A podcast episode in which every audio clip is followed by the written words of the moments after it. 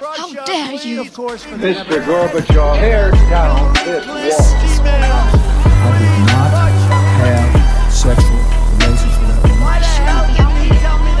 Read my lips. Hell yes, we're gonna take your AR-15. It's waiting I have a dream. Thank you. Torsdag eh, 8. juni så kom, eh, kom, en, kom det en viktig rapport om, eh, som har evaluert eh, det, dette angrepet dette under pride-feiringen i Oslo sentrum i, i, i fjor. Eh, og nå har vi på en måte fått eh, kortversjonen av det. Eh, eller også rapporten, da, men, men kortversjonen har, vært, eh, har blitt eh, publisert, hvor vi får en del eh, kritiske eh, punkt. Særlig retta mot politiet, PSTs håndtering her, og samhandling, samhandlingen mellom etterretningstjeneste, PST og politi. Eh, og eh, en slags konklusjon er vel da at eh, dette angrepet kunne vært stoppet hvis man hadde gjort en del ting, del, ting annerledes. Så, det her må vi jo snakke om, fordi dette er jo viktige viktige elementer, og det er jo ikke minst i lys av den forrige episoden vår her, som handla om boka mi og bekjempelse av terrorisme. Og da kan vi jo starte kanskje med, med det første punktet med en gang, eh, som handler om, eh, om dette angrepet, da. Eh, er det terrorangrep, eller eh, er det ikke? Eksempel eh, de fleste mediene og VG skriver jo her at at dette utvalget da, som har evaluert eh, angrepet som vi refererer til nå, det, de har jo da sett på håndteringen av fjorårets terrorangrep. Så de fleste har vel egentlig konkludert med at det er terrorangrep. Og jeg blei jo også bedt om å kommentere det den gangen, og har jo eh, tenker jo at eh, at det ser jo veldig ut som et, eh, et terrorangrep.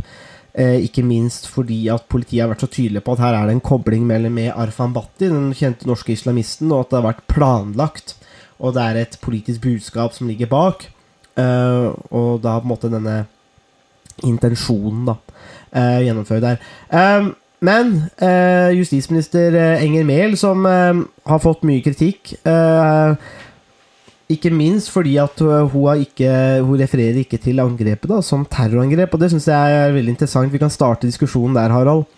Eh, litt rundt om dette er terrorangrep eh, eller ikke. Og burde justisministeren eh, faktisk si da at det er terrorangrep? Og eh, mitt, mitt første eh, poeng da i denne saken er litt det som jeg skriver om i, i, i boka mi, som handler om strafferettsmodellen eh, og kriminalitetsmodellen. Og der sier man jo ofte at det er viktig å ikke overreagere. eh, bruke det apparatet og begrepene som finnes. eh, og vente på etterforskning. Eh, og sånn sett så kan man jo si at uh, jeg syns kanskje Enger Mehl kanskje får litt uh, ufortjent kritikk i den forstand ved å holde igjen litt og være litt konservativ, fordi at det er noen gode argumenter her som kan anføres for at man er, venter til etterforskningen er avgjort. Og forsvarerne til Matapour sier at det ikke har noe med Arfan Bhatt å gjøre, og det er ikke på en måte dette islamistiske eller pride-hat eller hatet mot skeive som ligger bak.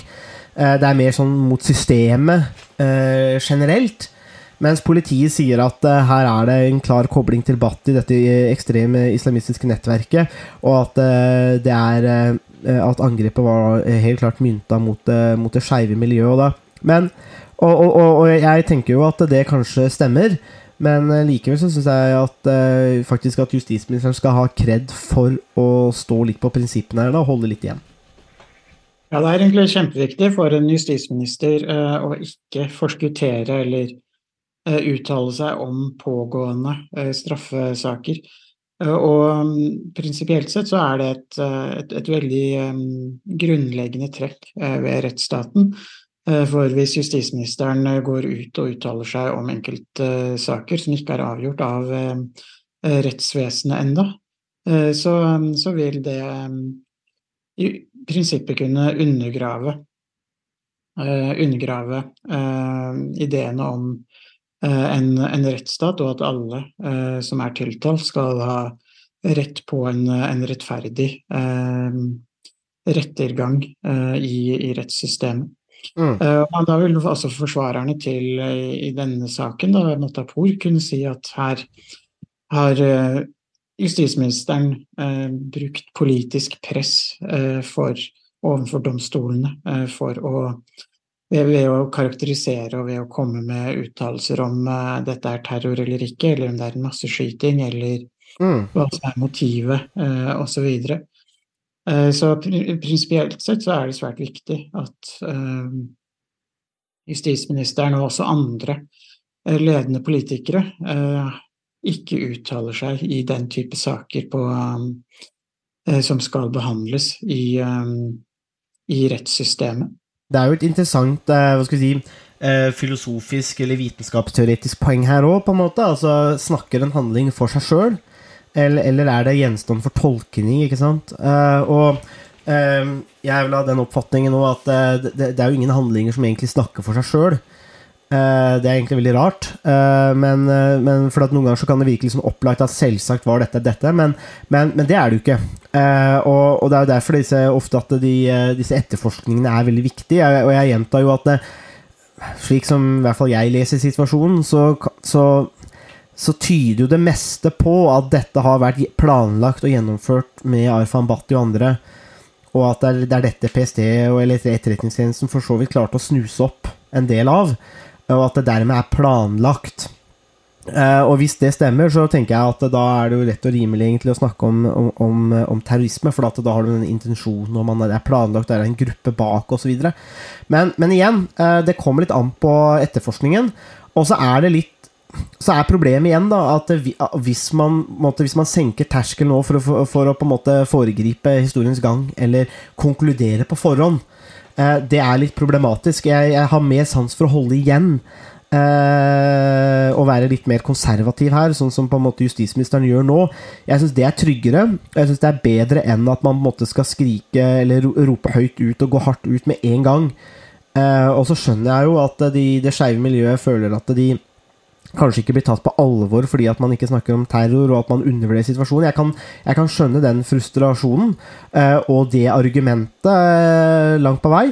Eh, men, eh, men det er likevel interessant dette med, med hvordan man tolker hendelser. Fordi at eh, man skal et, man, etterforskningen vil jo komme med noe, og handlinger snakker svært sjelden for seg sjøl.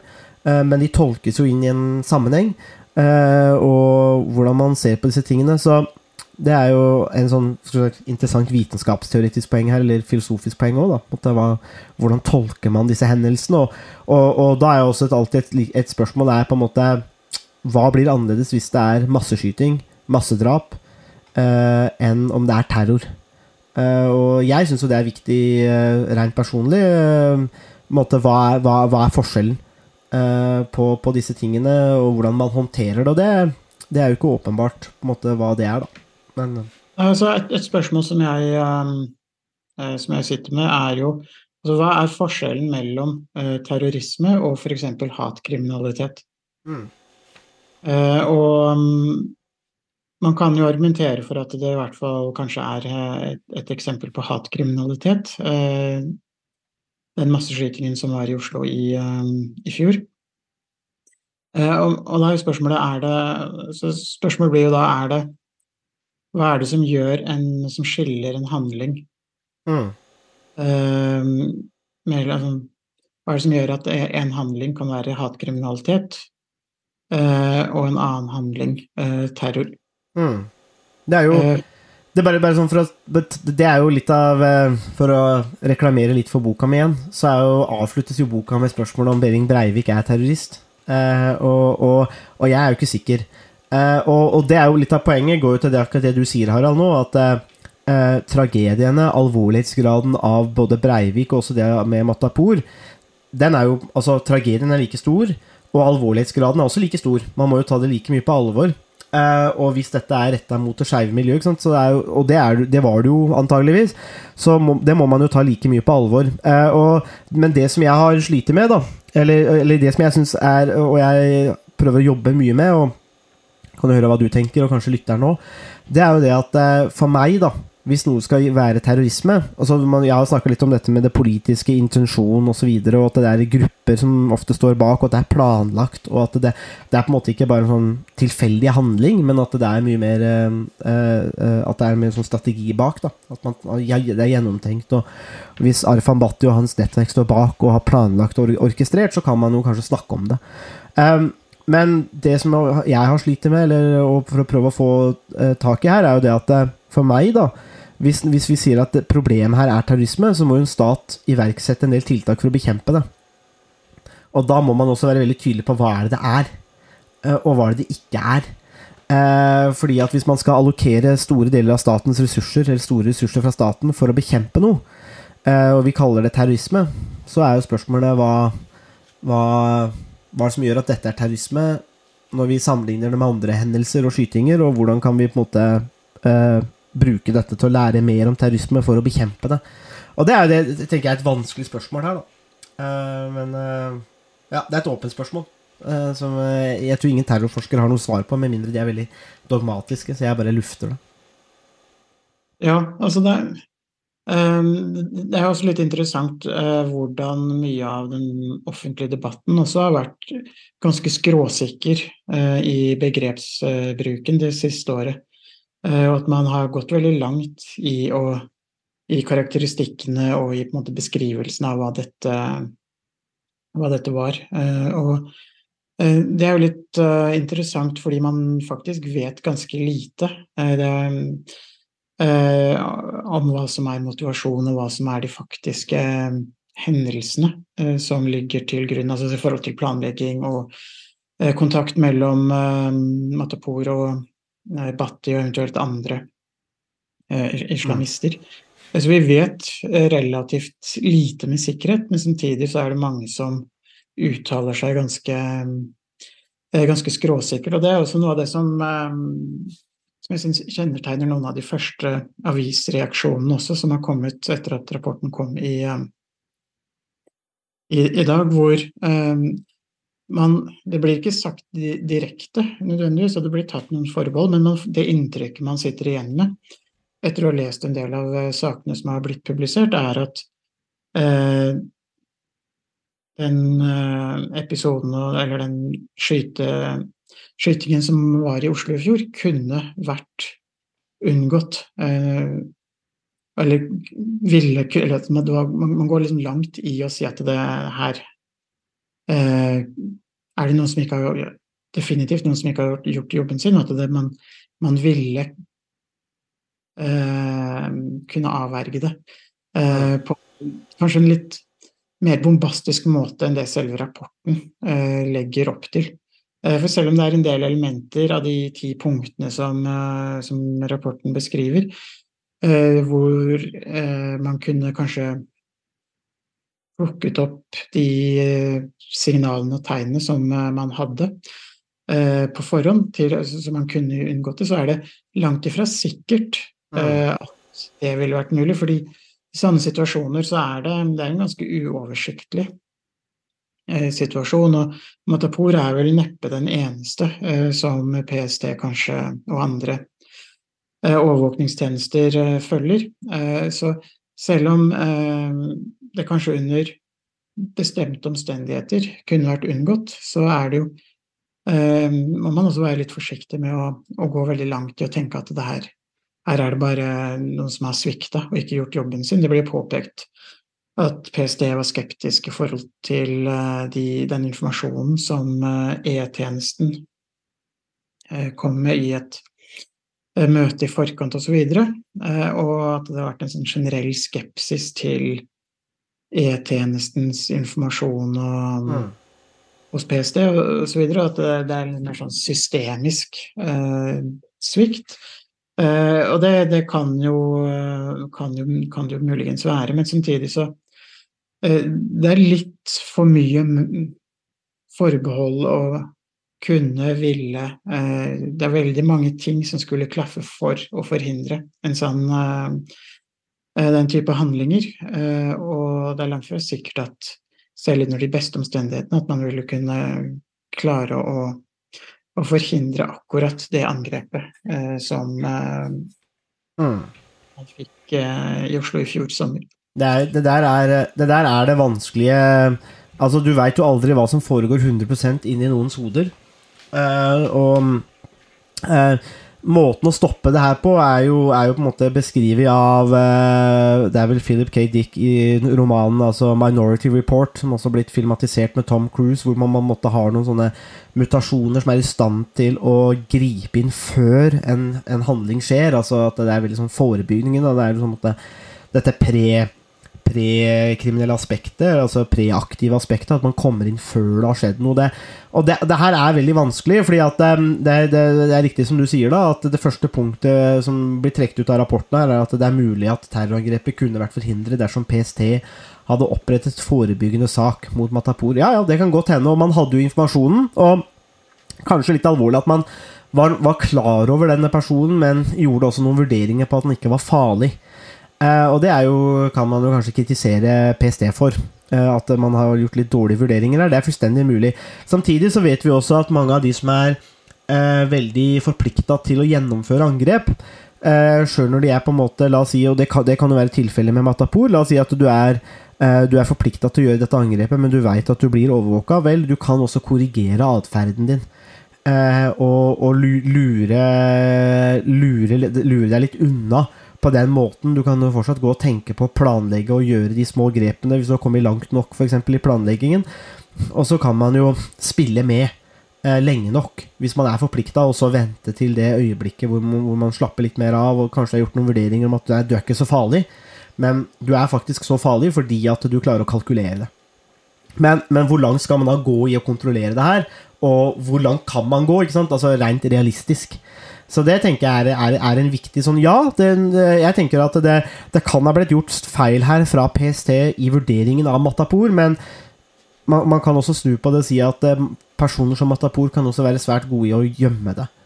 Eh, og, og, hva skal man arrestere de på da? ikke sant? Altså, Hvor langt skal man gå Hvor langt kan man gå på det prekriminelle eller preaktive nivået på å arrestere noen for planlegging? ikke sant? Altså, det, det der er en veldig vanskelig sak. da. Ja, det er, veldig komplisert, og det, det blir ofte litt overforenkla i uh, framstillingen uh, som man ser i mediet. Um, for det, det, er jo veldig mange hvis og om og uh, mange forbehold uh, som, som, gjelder. spesielt i de ti punktene som, som blir opp, oppsummert i, i rapporten. og da blir det litt Det kan, kan det virke litt bombastisk at man blir etterlatt med det inntrykket at uh, det her ville vært, uh, vært unngått. Uh, og Så det blir jo Det blir jo sånn sett kanskje litt Litt i overkant å kreve at Mehl, justisministeren, skal gå av umiddelbart når en sånn rapport kommer. Jeg syns, de, syns kanskje de, noen av de stemmene som, eh, har, eh, som skriver i avisene nå om at Mehl bør gå av eller trekke seg og tynnslitt tillit og så videre, nærmer seg en litt over, nesten en overreaksjon. Ja, altså Det er mye man kan kritisere dagens regjering for, og for så vidt justisministeren har jo vært eh, noen rare saker der òg, men jeg syns ikke dette er en av de. Altså, jeg syns eh, ikke du skal få unødvendig eller hard kritikk for å faktisk være litt konservativ når det kommer til å følge det juridiske systemet og, og etterforskningsmodellen. Selv om, selv om det med, med, med, med, overvekt tyder på at det er sånn, så syns jeg ikke du skal eh, bli bedt om å gå av, eller at du opptrer uansvarlig eller uprofesjonelt fordi man holder seg litt konservativt til disse retningslinjene. Og det er jo litt sånn Uh, igjen en av disse lærdommene som Richard English, også en av verdens mest kjente terrorforskere, uh, som har forska mye på Nord-Irland Et av hans poenger var jo det at uh, i Nord-Irland, der var det en, måte, en konflikt, en politisk konflikt med særdeles mye vold, men som også var prega av terrorisme. Der var jo til slutt en av lærdommene som de måtte ha, var å på en måte ikke overreagere. fordi at hvis man overreagerer, så, så er det sånn at ja, man kan ha Man har disse tragediene. Og det er forferdelig for de som opplever det, og det er forferdelig for et, for et, samfunn at man har personer som er villige til å begå sånne type handlinger. Det er vi alle enige om. Eh, men men, men, men, det er likevel viktig som samfunn at man ikke overreagerer. Eh, var en av lærdommene fra Nord-Irland som Richard English trakk fram som veldig viktig i Nord-Irland. Og det, det tenker jeg er eh, spiller inn her òg, så jeg syns ikke at justisministeren skal få kritikk for det her, da. Eh, så kan man si mye rart om det TikTok-opplegget og alt mulig annet rart, men, men eh, og, og, og, hvor på en måte liksom prioriteringer eh, Hvor de ligger og sånn der, men, men, men kanskje ikke på dette elementet her, da. Eh, Ja, nei, så Vi har jo ikke holdt tilbake eh, med kritikk mot eh, dagens regjering. nei. Eller ikke forrige, for den saks skyld. Og sikkert ikke den neste som kommer. Antageligvis ikke, for det er jo på en måte vår eh, Det er jo på en måte vår, eh, vår greie, kanskje, Harald. Eh, det, det virker sånn. Vi er, eh, vi er vrange. Vi blir aldri fornøyd. Men, men et, et, um, eh, et spørsmål og en ting som jeg har tenkt litt på, og i etterkant av um, eh, flere av de episodene vi har hatt i Norge med terror og masseskytinger, helt ifra Breivik i 2011, så har vi jo egentlig hatt eh, relativt mange eh, av den typen eh, hendelser. Eh, og samtidig så skal jo Norge da være eh, verdens beste demokrati og mest demokratiske åpne eh, samfunn. Og det er et samfunn som skal være relativt velfungerende. Men det får meg til å det undrer meg litt over hvordan er det det her er mulig Mm. Uh, i, i det som skal være et av verdens mest uh, demokratiske uh, samfunn, hvor menneskerettighetene blir respektert, og hvor man har en sjenerøs velferdsstat og et samfunnssystem som er basert på høy grad av tillit. Men likevel så har vi relativt eh, mange av den typen alvorlige eh, hendelser. Så hva er det som gjør at Norge har Mm. blitt At det, det, den type ting har skjedd i Norge, egentlig? Nei. Hadde du hatt svar på det, så kan hende du hadde blitt en, en, en rik mann. Det er jo, så spørsmålet er jo på en måte hva er mye? Altså når man, når man ser på Altså Voldsnivået er jo generelt sett ganske lavt. Eh, altså Breivik er jo en outlier. Det er jo på en måte den ekstreme hendelsen. uh, som, uh, som, er, som er helt drøy. Men vi har jo hatt eh, episode, episoder seinere òg. og noe av det ser ut til å være knytta til litt mindre miljøer. altså La oss si dette med Matapour, men det har jo vært mye rundt Bhatti og hans ekstremistiske nettverk før. Slik at det har jo vært, det har jo vært ting som har vært knytta til kjente miljøer. Eh, og noen av disse miljøene Det er jo ikke sånn eh, det er jo ikke så mye rovdrap i Norge på, i, i den forstand. altså Når vi har den i Bærum-saken også, så var jo det eh, med Manshaus, så var, jo, var jo det også først vold i nære relasjoner, for å si det sånn, og så et mislykka angrep på moské. Men, men, men hva som får folk til å, til å begå voldelige handlinger, er jo veldig vanskelig, og det er jo der denne eh, radikaliseringsperspektivet har blitt veldig sånn dominerende perspektiv nå. altså At man prøver å finne ut hva er, hva er det radikale tanker, meninger, som gjør at folk kan gå fra radikale meninger til radikale handlinger. Altså ekstreme handlinger. da, At man kan eh, gjøre det. Er, det. er det det at man sitter på nettforum eh, og prater med folk? Uh, 8chan, 4chan, de, disse tingene, 8kun, uh, og blir radikalisert der, som gjør at man, man gjennomfører angrep, eller uh, man bygger opp hat? Er det utenforskap?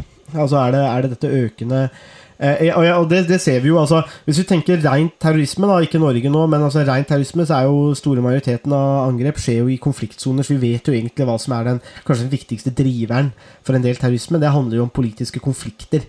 Men så kan man jo se, se på det i, med, med, med voldshandlinger i Norge og kanskje andre vesteuropeiske land, f.eks. Og da er jo, tenker jeg at eh, en, en, interessant faktor der, som man ser, er jo, handler jo om, om, eh, om økonomisk eh, ulikhet, altså økende klasseskiller og utenforskap.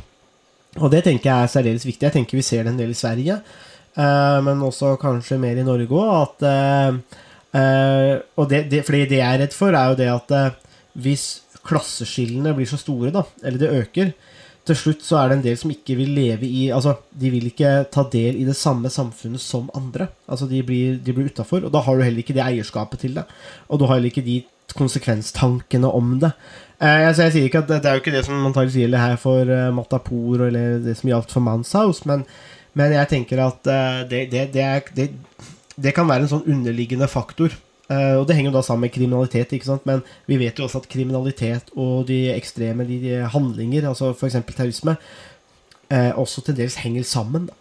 Uh, ja, det, det, det, som er Paradokset er jo at det resonnementet ditt som du presenterte om liksom, sammenhengen mellom sosial og økonomisk ulikhet på den ene siden og opplevelsen av utenforskap og terrorisme og radikalisering på den andre siden, det er jo litt, på mange måter et litt standard uh, resonnement. Og det som, uh, det som jeg stusser litt på, er vel egentlig det at i Norge, da, som er et av uh, de, uh, de, landene i verden med størst grad av sosial og økonomisk likhet, små økonomiske forskjeller, hvor vi også har en sjenerøs velferdsstat som skal plukke opp og håndtere mange av de som Og eh, hjelpe de som eh, faller utenfor av ulike grunner.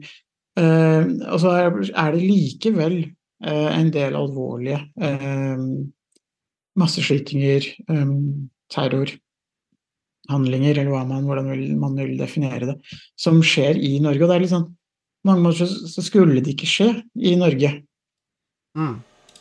Eh, siden Norge er det mest, eh, et, et, et, mest eh, både likestilte og egalitære samfunnet, kan du si Sverige er annerledes fordi at de, de har jo delvis en mindre sjenerøs velferdsstat, og det er jo også en mye større innvandrerbefolkning. Men man har jo ikke sett den type terrorhendelser eller masseskytinger som i Norge.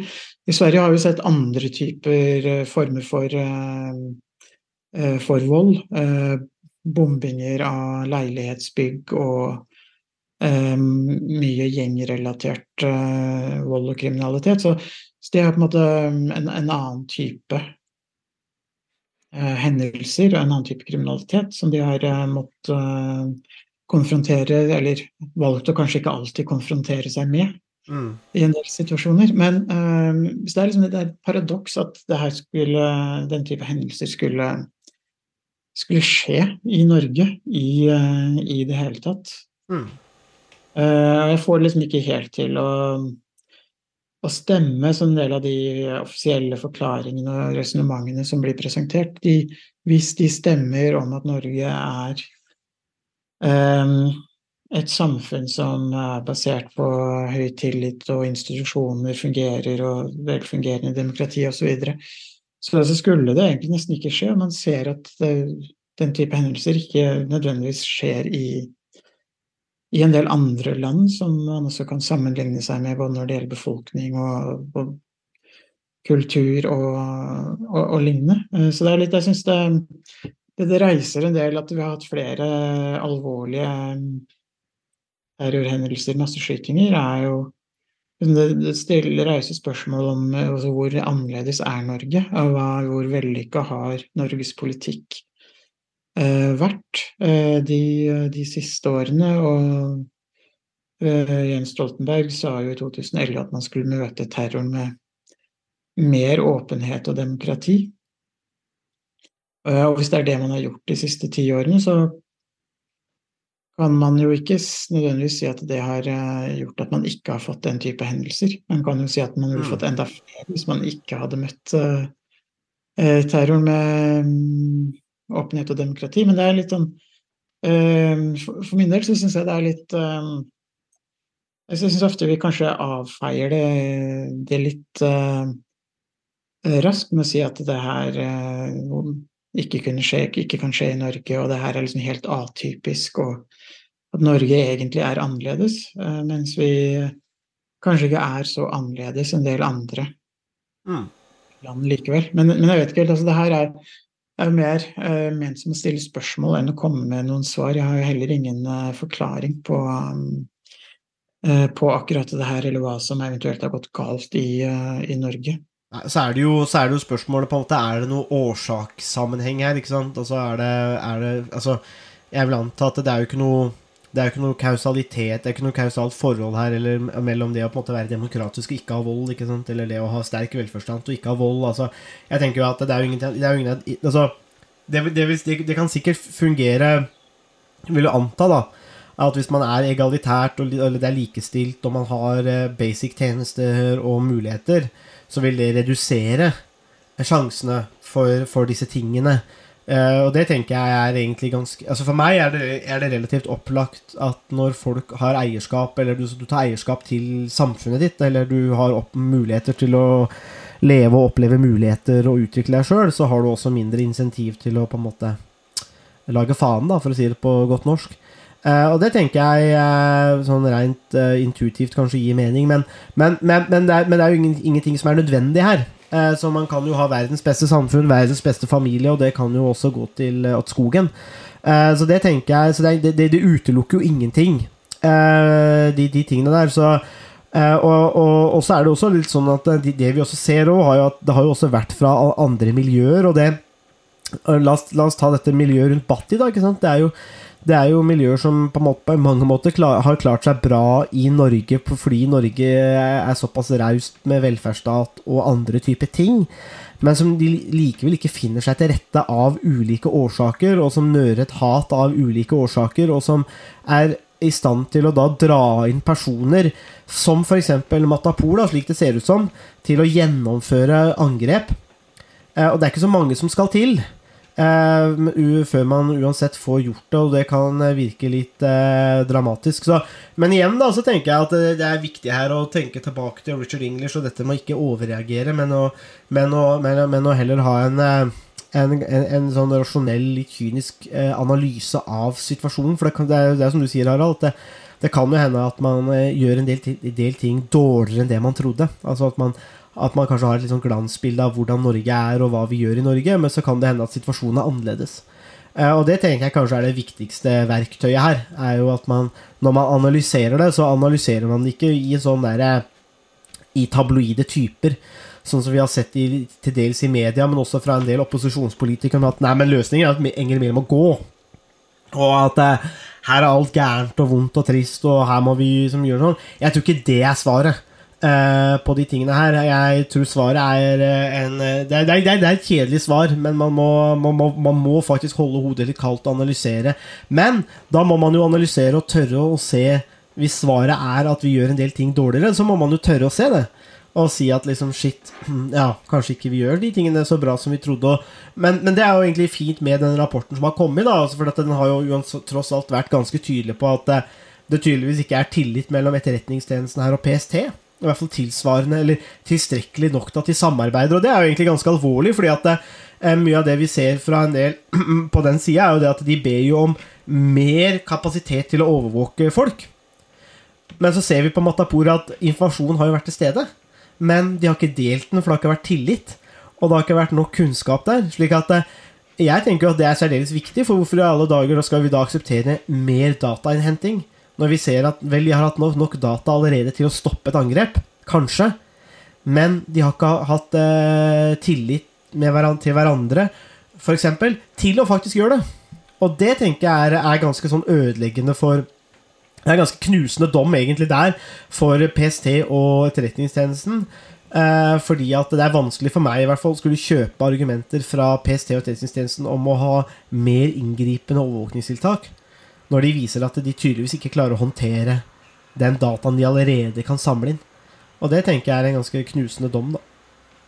Ja, uten tvil. Eh, og jo mer informasjon man får, jo mer er det som skal analyseres og ja, ja. systematiseres. Og eh, det kan jo også bli at man sitter med for mye informasjon, at man ikke klarer å kartlegge og sortere det i hva som er viktig, hva som er nest viktigst, og prioritere eh, hvilke personer og hvilke saker man skal, eh, skal jobbe aktivt med, eller hvor, man, hvor, det er nødvendig å iverksette tiltak. Så der er det jo litt Det er, jo ikke sånn at mer informasjon, mer overvåking, nødvendigvis vil gi bedre kvalitet på analysene og det som eh, man skal eh, basere beslutningene på. Og det, det er jo kanskje noe av det man ser her også, at informasjonen i hvert fall det som har blitt lagt fram i dag, så tyder det på at informasjon har jo vært til stede.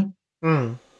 Man har kanskje hatt nok informasjon og kunnskap til å eh, kunne gjort noe, men så har man av ulike grunner eh, ikke eh, gjort det, muligens. Mm. Eh, og, og det er jo det som er det litt alvorlige med akkurat det med informasjon, at hvis man har mer og mer informasjon, så vil det bare være vanskeligere og vanskeligere å gjøre den uh, sorteringsjobben og sile all den informasjonen Mm. og faktisk finne eh, hva man skal gjøre. Man kan nesten bli uh, paralysert når man sitter med uh, store mengder med informasjon. Eh, og da kan jo også kvaliteten på måten man siler, og eh, siler den informasjonen, også gå ned, fordi at man må jobbe raskere. Og at man ikke eh, rett og slett eh, rekker å gjøre en, eh, en grundig, eh, grundig jobb. Mm. Og, og det ville jo vært alvorlig, for da ender man jo opp med å potensielt eh, overvåke eh, nesten hele samfunnet uten å kunne avverge alvorlig terrorangrep eller Mm. annen kriminalitet. Ja, altså der, der tenker jeg at den store kritikken og kanskje det mest knusende egentlig ligger i, eh, i denne rapporten og denne situasjonen, er det at, eh, det, det er det at man, har, man har jo hatt informasjon, men det har svikta i informasjonsdeling. og man, hvis, det stemmer at man ikke har tillit liksom, mellom tjenestene og man, at det- går veldig seint der, så er, liksom, så, er det, så er det veldig alvorlig, fordi at eh, Ja, det, det, det, det, det forteller oss at den nødvendige informasjonen har egentlig blitt samla inn, men ikke godt nok håndtert. Eh, og, det er ganske alvorlig, fordi eh, vi har også blitt fortalt eh, gjennom mange år at vi må ha mer datainnhenting og mer datainnsamling og mer overvåkning. Og det er vanskelig å se hvordan det kravet der skal legitimeres, hvis, hvis det er sånn man håndterer det. Så det Og så er det, så er det litt det, motsatte nærmest også. Så når det er, hvis, hvis Man kan stille spørsmålet til PST og Etterretningstjenesten. Hvis dere, skal, hvis dere får all den informasjonen som dere ønsker å samle inn, og- hva er det som gjør at dere likevel ikke klarer å forhindre og forebygge terror? Mm. Eh, Fordi eh, da, da må det være noe, eventuelt være noe galt med hvordan de, eh, de jobber, hvis de da skal overvåke oss eh, mer og mer, eh, og likevel ikke eh, klarer å løse oppgavene som de, eh, de er satt, satt til. Ja, ellers, men Mister du den legitimiteten? da? Altså Den legitimiteten hviler jo bare på at, man faktisk, at det faktisk fungerer. For det er vanskelig å selge for folk at nei, vi er nødt til å overvåke stort sett all datatrafikken din for å stoppe terrorangrep, og så, og så, så kommer det saker som det her, da, hvor det bare er sånn, Ja, det, vi hadde dataen, men, men vi stoler ikke helt på hverandre, og det går litt seint, og det er litt vanskelig, og det var litt trist og leit, og sånn. Så da er det liksom sånn hvordan selger du det til befolkningen? Det, da går det utover legitimiteten og, og igjen tillit da, ikke sant? til stat og institusjoner. og Det er også ofte det vi sier til oss sjøl, at det er jo det Norge er så forbanna flinke på. Og at det er så bra med Norge at vi har all den tilliten. Men altså jeg tenker at sånne type ting er jo det som kan bidra til å bryte ned tillit. da. Eh, at man ikke, ikke tar vare på informasjonen og ikke bruker den på en god nok måte. Og at man ikke på, ja, på den måten ikke gjør seg fortjent til eh, vår tillit. da. Og det har med legitimitet å gjøre. Ja, altså PST og sikkerhets- eller overvåkningstjenestene i Norge har jo generelt uh, hatt en del uh, uh, vanskelige eh, saker eh, de siste tiårene. Uh, med, med o- overvåkning eh, som eh, eh, både av politiske Eller av politikere, til og med, som Berger Furre. Og, og lignende tidligere. Så, så der er jo et gjentagende tema som kommer opp med jevne mellomrom i forhold til PST og overvåkningstjenestene og etterretningstjenestene. De, Mm. eh, det virker som det er noen strukturelle uh, utfordringer og problemer uh, med, med den type tjenester, uh, Ja. hvor man gang på gang eh, ender opp i en i en ofte kritikkverdig eh, posisjon. Mm. Eh, og der er det der er jo noe som man ser fra andre land også, så det er jo ikke bare Norge sine E-tjenester og PST som, som er i den situasjonen. Det har jo eh, vært det var en stor skandale i Danmark for ikke lenge siden, eh, hvor det var eh, lederen for eh, det danske PST, eller eh, en av overvåkningstjenestene, som, eh, som måtte gå nærmest på, på dagen. Eh, Så, så der er jo noe man finner både i andre nordiske land og andre, andre land også. Og, så det er jo ikke unikt for Norge, men samtidig så sier vi jo ofte i Norge at vi skal være bedre og annerledes. eh, Men spørsmålet er jo i hvilken grad vi eh, virkelig er annerledes.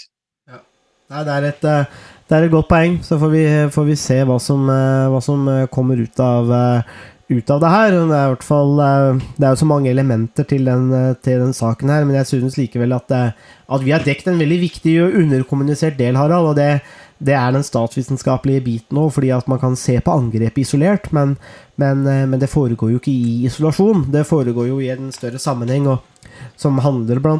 om tillit og legitimitet og statens makt. Og eh, vi er jo begge litt sånn eh, bygd opp, Harald, at vi er jo særdeles kritiske til statens makt. Altså, staten må jo ha makt, og staten har jo makt som eh, i, i, fordi det er en stat, en politisk organisering som stat, den, den har jo den makta eh, og kan bruke, og det er ofte veldig greit, men man skal også være veldig på vakt for hvordan dette blir brukt. Og, og, og her ser vi at eh, dette er jo tilfeller hvor man har makt, og man har hatt nødvendig makt, og man har hatt nødvendig datainnsamling, men det fungerer likevel ikke. og det det syns jeg vi skal ta med oss inn i, inn i, inn i seinere diskusjoner, når, det, når, vi, når vi igjen kommer til å diskutere på en måte hvilke, hvor inngripende skal statens makt være, så tenker jeg at dette et, eh, kommer til å være et viktig case uh, for å, for å, som, som, som jeg tenker vil tale mot da, Uh, dette. Og, men man skal uansett være skeptisk til det. Altså, jeg tror ikke svaret her er å overvåke enda mer.